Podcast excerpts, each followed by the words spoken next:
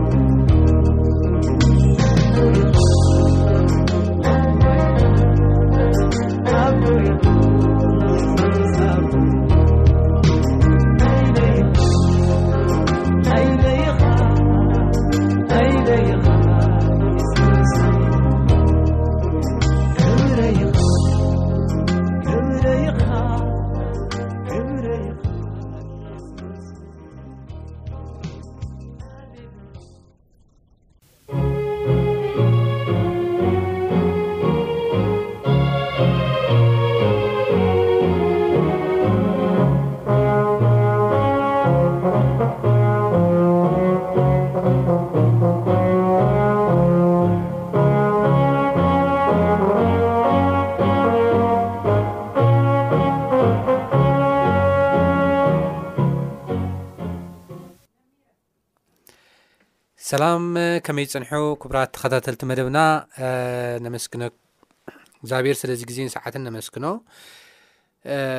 ሕጂ ድማ ኣብ ዝሓለፈ ካብ ዝጀመርናዮ ሓሳብ ኣብ ዕብራውያን ምዕራፍ ዓሰርተ ክልተ ካልኣይ ክፋል ሒዝናልኩም ቀሪብና ኣለና ከም ዝከር ኣብ ዝሓለፈ ናይ ቃል ግዜና እቲ ዝኸብደናን ዝጠብቀናን ሓጢኣት ነርሕቕ በበይ ንየሱስ ክርስቶስ ብምጥማት ኣብ ዙርያና ዘለዉ ምስክራት ብምጥማት ሓጢኣት ነርሕቕ፣ ክፍኣት ነርሕቕ።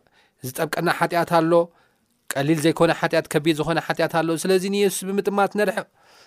ወ እዚ ከነርሕቆ ከለና ብዙሕ ምቅዋም፣ ብዙሕ ምቅላስ፣ ብዙሕ ፈተናታት ኣሎ እዩ። ነገር ግን ትዕግስቲ እውን ኣገዳሲ እዩ። ጸኒዕኻ ምቅላስ እውን ኣገዳሲ እዩ። ብዙሓት ጸኒዖም ካብ ዘይምቅላሶም ዝተላዕለ እንታይ ኮይኖም እዮም? ኣብ መንገዲ ወዲቖም እዮም።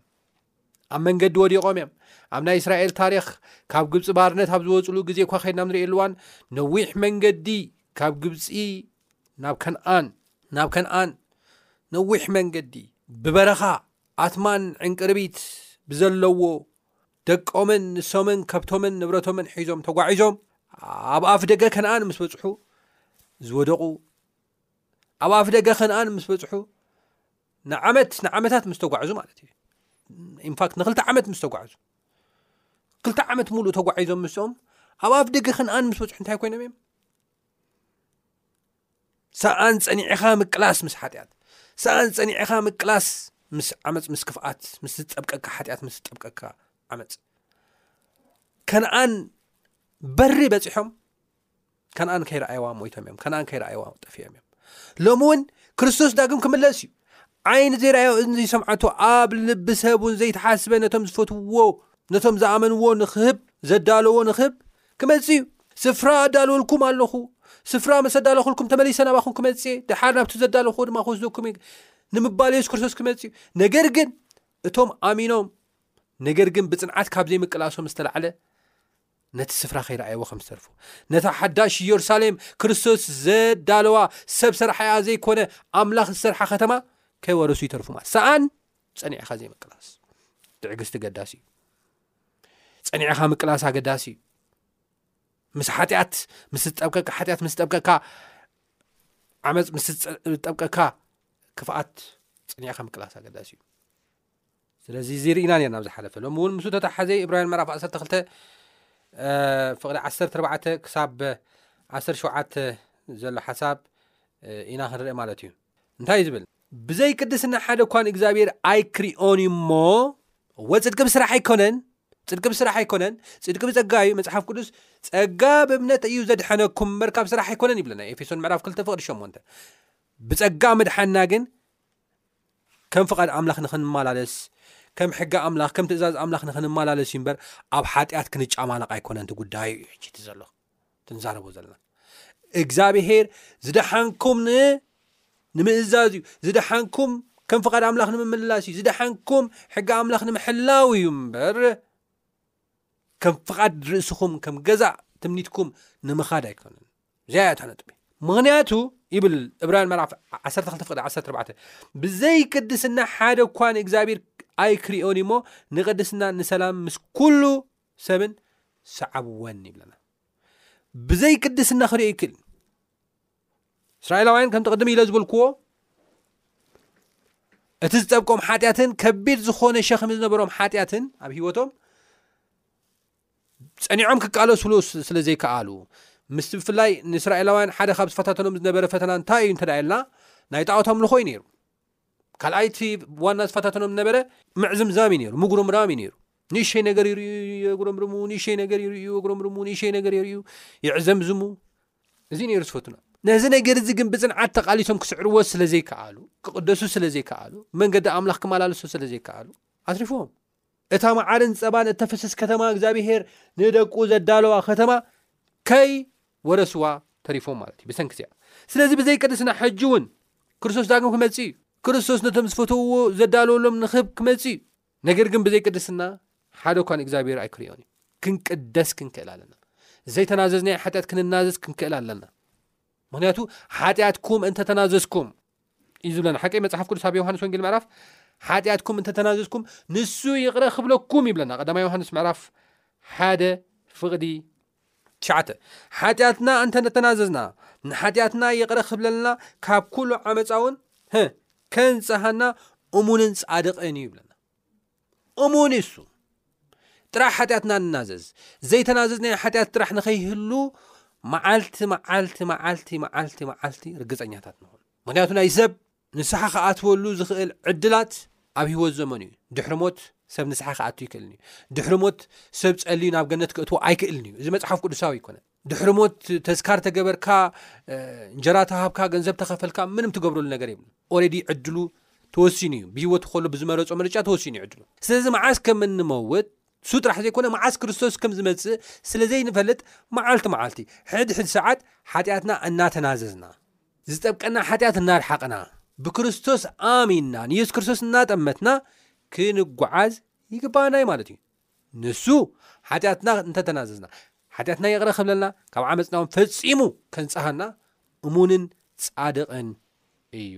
እከለ ኢኻ እስኻ፣ ሓጢኣትካ ይቕረ ይብለልካኒ ዚብል ኣምላኽ ኣይኮነን። ስለዚ ብዚ እንታይ እዩ ዝብል ዘሎ መጽሓፍ ቅዱስ ክዛረበና ከሎ ንቅድስናን ንሰላምን ምስ ኩሉ ሰብ ሰዓብወን ምስ ኩሉ ሰብ ሰላም ሰዓቡ ምስ ኩሉ ሰብ ምስ ቀይሕ ምስ ጸሊም ምስ ባርያ ምስ ጭዋ ምስ ወዲ ምስ ጓል ምስ ህፃናት ምስ ዓበይቲ ምስ በዓል ስልጣናት ምስ ተራሰብ ምስ ዘርእኻ ዝኾነ ምስ ዘርእኻ ዘይኮነ ምስ ኩሉ ሰላም ሰላም ሰላም ሰዓቡ እዩ ዝብለና መፅሓፍ ቅዱስ ምስ ኩሉ ሰላም ሰዓቡ ንቅድስና እውን ሰዕቡዋ ንእግዚኣብሔር ተፈሊኻ ብቅድስና ብጽድቂ ምምላስ ውን ሰዓቦ እዩ ዝብለና መጽሓፍ ቅዱስ ክዛረበና ከሎ ቀጺሉ ሓደ እኳ ካብ ጸጋ ኣምላኽ ከይጎድል ንብዙሓት ዘርክስ ገለ መሪር ሱር በቂሉ ከየጨንቐኩም ተጠንቀቑ እዩ ዝብለና መጽሓፍ ቅዱስ ኣመል ልማድ ዝጸብቕ ሓጢኣት ኣጨናቂ እዩ ንህይወትና እውን የጨነቐና ተስፋና እውን የጸልምቶ ስለዚ ካብ ጸጋ ኣምላኽ ከይንጎድል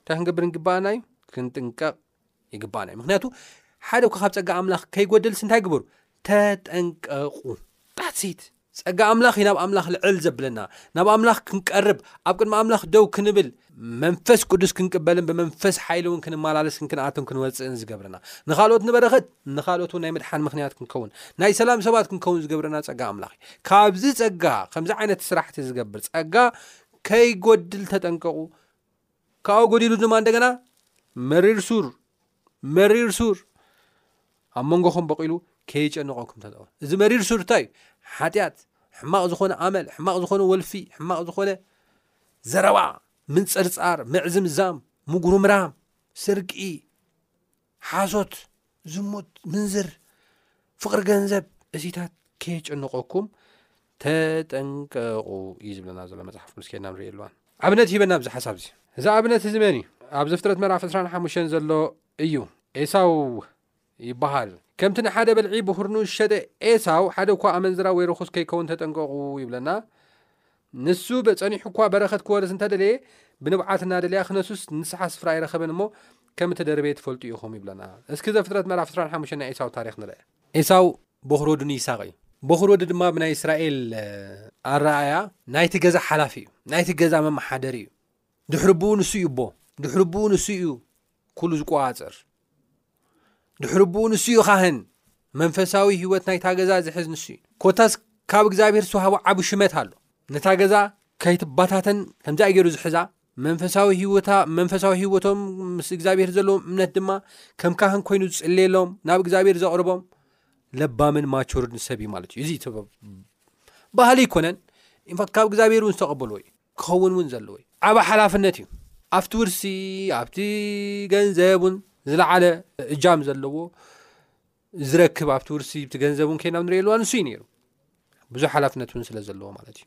ንኹሉ ስለ ዘተሓዳደር ማለት እዩ። ንሱ ማነጀር ሓላፊ ስለ ዝኾነ ማለት እዩ። እዚ ኩሉ ዓይነት ጥቕሚ እዩ ዘለዎ። ጥቕሚ ጥራሕ ዘይኮነ እንደገና ጥቕሚ ጥራሕ ዘይኮነ እንደገና እንታይ ዘለዎ እዩ ሓላፍነት እውን ዘለዎ እዩ ማለት እዩ። ነገር ግን ኤሳው እንታይ ከም ዝገበረ ንር ኣብ ዘፍትረት ምዕራፍ 25 ካብ 27 ጀሚሩ እቶም ቆልዑ ድማ ዓበዩ ኤሳውን ያቆብ ደቂ ኢሳቅ ማለት እዩ እቶም ቆልዑ ድማ ዓበዩ ኤሳው ሓደ ዝፈልጥ ሰብኣይ መረር ኮነ ያቆብ ኣብ ድኳን ዝነብር ህዱእ ሰብኣይ ኮነ ይስቅ ስጋ ሃደን መቂርዎ ነበረ እሞ ንኤሳው ይፈቱ ነበረ ርብቃ ግና ርብቃ ግና ንያእቆብ ትፈቱ ነበረት። ያእቆብ ጸብሒ ክሰርሕ ከሎ ኤሳው ደኺሙ ኣብ መሮር ኣተወ። ሽዑ ኤሳው ንያእቆብ ደኺመ እየ እሞ በጃኻ ካብዚ ቀይሕ ጸብሒ ኣብልዓኒ በሎ። ስለዚ ስሙ ኤዶም ተባህለ። ያእቆብ ከኣ ሎሚ ብኹርናኻ ሽጠለይ በሎ። ኤሳው ድማ እንሆ ኣነ ክመውት ኢለ ኣለኹ፣ እዚ ብኹርናኸ ንምንታይ እዩ? ያእቆብ ከኣ ሎሚ መሓለለይ በለ እሞ መሓለሉ፣ ብኹርንኡን ንያእቆብ ሸጠሉ። ያእቆብ ድማ ንኤሳው እንጌራ ጸብሒ ብርስን ገይሩ ሃቦ፣ ንሱ ድማ በሊዑን ሰትዩን።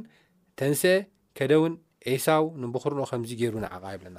ንብዅርንኡ ከምዚ ገይሩ ነዓቓ። ንብርስን ክበሃል እንታይ ገይርዋ? ነዓቓ ሸጠሉ እውን። ምሒሉ ሸ ከም ዝሸጠሉ ኢና ንርኢ ማለት እዩ። ሸለል ኢሉ እታ ብዅርንኡ ከም ዝነዓቓ፣ እዚ ሓላፍነት እዚ ከም ዝነዓቖ። ንምንታይ ኢሉ? ንገንዘብ፣ ንምሳሕ፣ ንምግቢ፣ ንብርስን፣ ጸብሒ፣ ከምኣ ገይሩ ከም ዝነዓቕ ኢና ንርኢ ማለት እዩ ስለዚ ሎሚ እውን ንቕርሺ ኢሎም እቲ ካብ ክርስቶስ ዝተዋህቦም ተስፋ እቲ በረኸቶም ዘላለማዊ ህይወት እቲ ሓላፍነቶም ከምኡ ገይሮም ዝንዕቑ ኣለዉ እሞ እብራውያን እንታይ እዩ ዝብለና ዘሎ ማንም ከም ኤሳው ከይከውን ምክንያቱ ኤሳው ያዕቆብ ትምርቓት ተቐቢሉ ምስ ከደ ኣቦይ መርቐኒ ኢሉ እኳ ተበኸየ ኣብ ዘፍጥረት ምዕራፍ 28 መርቐኒ ኢሉ እኳ ተለመነ ብፍፁም ብፍፁም ክረኽባ ኣይከኣለን እንዲያም ተዘንብቦ ደስ ይብለኒ ዘፍጥረት ምዕራፍ 27 ይቅርታ ዘፍጥረት ምዕራፍ 27 ፍቅዲ 30 ኮነ ከዓ ይስቅ ንያቆብ ምርቑ ምስ ወደአ ያቆብ ድማ ኣብ ቅድሚ ኣቡ ይስቅ ብኡ ውፅእ በለ እሞ ኤሳው ሓቃ ካብ ሃደን ኣተወ ይብለና ንሱ ጥዑም ብልዒ ኣዳልዩ ናብ ኣቡኡ ምጸኦ፣ ነቡኡ ድማ፣ ኣቦየ ነፍስኻ ምእንቲ ክትምርቐንስ፣ ተንስእ እሞ ካብታ ሃድን ወድኻ ብላዕ፣ በሎ። ኣቡኡ ይስሃቅ ከኣ፣ ንስኻ መን ኢኻ? በሎ። ንሱ ድማ፣ ኣነ ኤሳው፣ በዅሪ ወድኻ እየ፣ በሎ። ሽዑ ይስሃቅ ኣዝዩ ብርቱዕ ስንባድ ሰንበደ እሞ፣ እቲ ሃዲኑ ህዱን ዘምጸለይ፣ ኣነ ኸኣ፣ ገና ንስኻ ከይመጻእካ ኣብ ኵለን በሊዔ ዝመረቕክዎ ደኣ መን እዩ? ምሩቕ ድማ ክኸውን እዩ፣ በለ። ኤሳው ዘረባ ኣቡኡ ምስ ሰምዐ፣ ኣዝዩ ዓው ኢሉ መሪር ገዓር ገዓረ። ነቦኡ ኸኣ ኣቦየ ንኣይ ድማ መረቐኒ በሎ። ንሱ ድማ ንምርቓኻስ ሓውኻ ብተንኮሉ መጺኡ ወሲድዎ እዩ በለ። ኤሳው ከኣ ክልተ ሳዕ ጠቢሩኒ ብኹርናይ ወሰደ፣ ሕጂ ኸኣ እንሆ ምርቓይ ወሰደ። ስምዶ ግዳ ያዕቆብ ኣይኮነን? ንኣይ ከምርቓዶ ይትረፍካለይን ኢኻ በሎ። ይስሃቅ ከኣ መሊሱ ንዔሳው፣ እንሆ፣ ጐይታኻ፣ ገበርክዎ፣ ኵሎም ኣሕዋቱ ኸኣ ግዙኣቱ ኪዀኑ እዮም፣ ሃብክዎ። ብስርናይን ወይንን ከኣ ኣጸገኽዎ፣ ሕጂ እሞ ወደይ፣ ንኣኻ እንታይ ኽገብረልካ እየ? በሎ። ዔሳው ድማ ነቦኡ፣ ኣቦየ፣ ሓንቲ ምርቓ ጥራይዶ ዀይና ዘላትካ? ኣቦየ፣ ንኣይ ድማ መርቐኒ ደኣ፣ በሎ። ዔሳው ከኣ ዓው ኢሉ በኽየ። ይስሃቅ ኣቡኡ ድማ መሊሱ በሎ፣ እንሆ ንብረትካ ብስብሒ ምድርን ብናይ ላዕሊ ኣውሊ ሰማይን ኪኸውን እዩ፣ ብሰይፍኻ ክትምገብ ኢኽ፣ ንሓውካ ድማ ክትግዛእ ኢኻ፣ ኪኸውን ከኣ እዩ፣ ኰለል ምስ በልካ ኣርዑት ኣብ ክሳድካ ክትሰብር ኢኻ ኢሉ ኸም ዝመረቖ ኢና ንርኢ። ገዓር ገዓረ፣ በኸየ።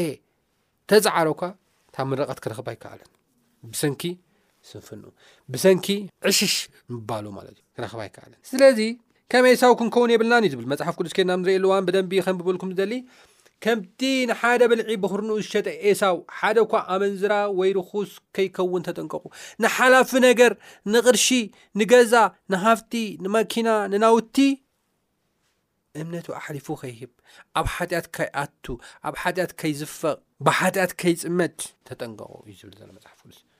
ኤሳው ጸኒሑ እኳ ነታ በረኸት ነታ ናይ ሓላፍነቱ ናይ ብኹርኑ ሓላፍነት ክወስዳ እኳ ተደለየ ብንብዓት ብገዓር እንተደለያ እኳ ንንስሓ ስፍራ ኣይረኸበን እሞ ከም እተደርበየ ትፈልጡ ኢኹም።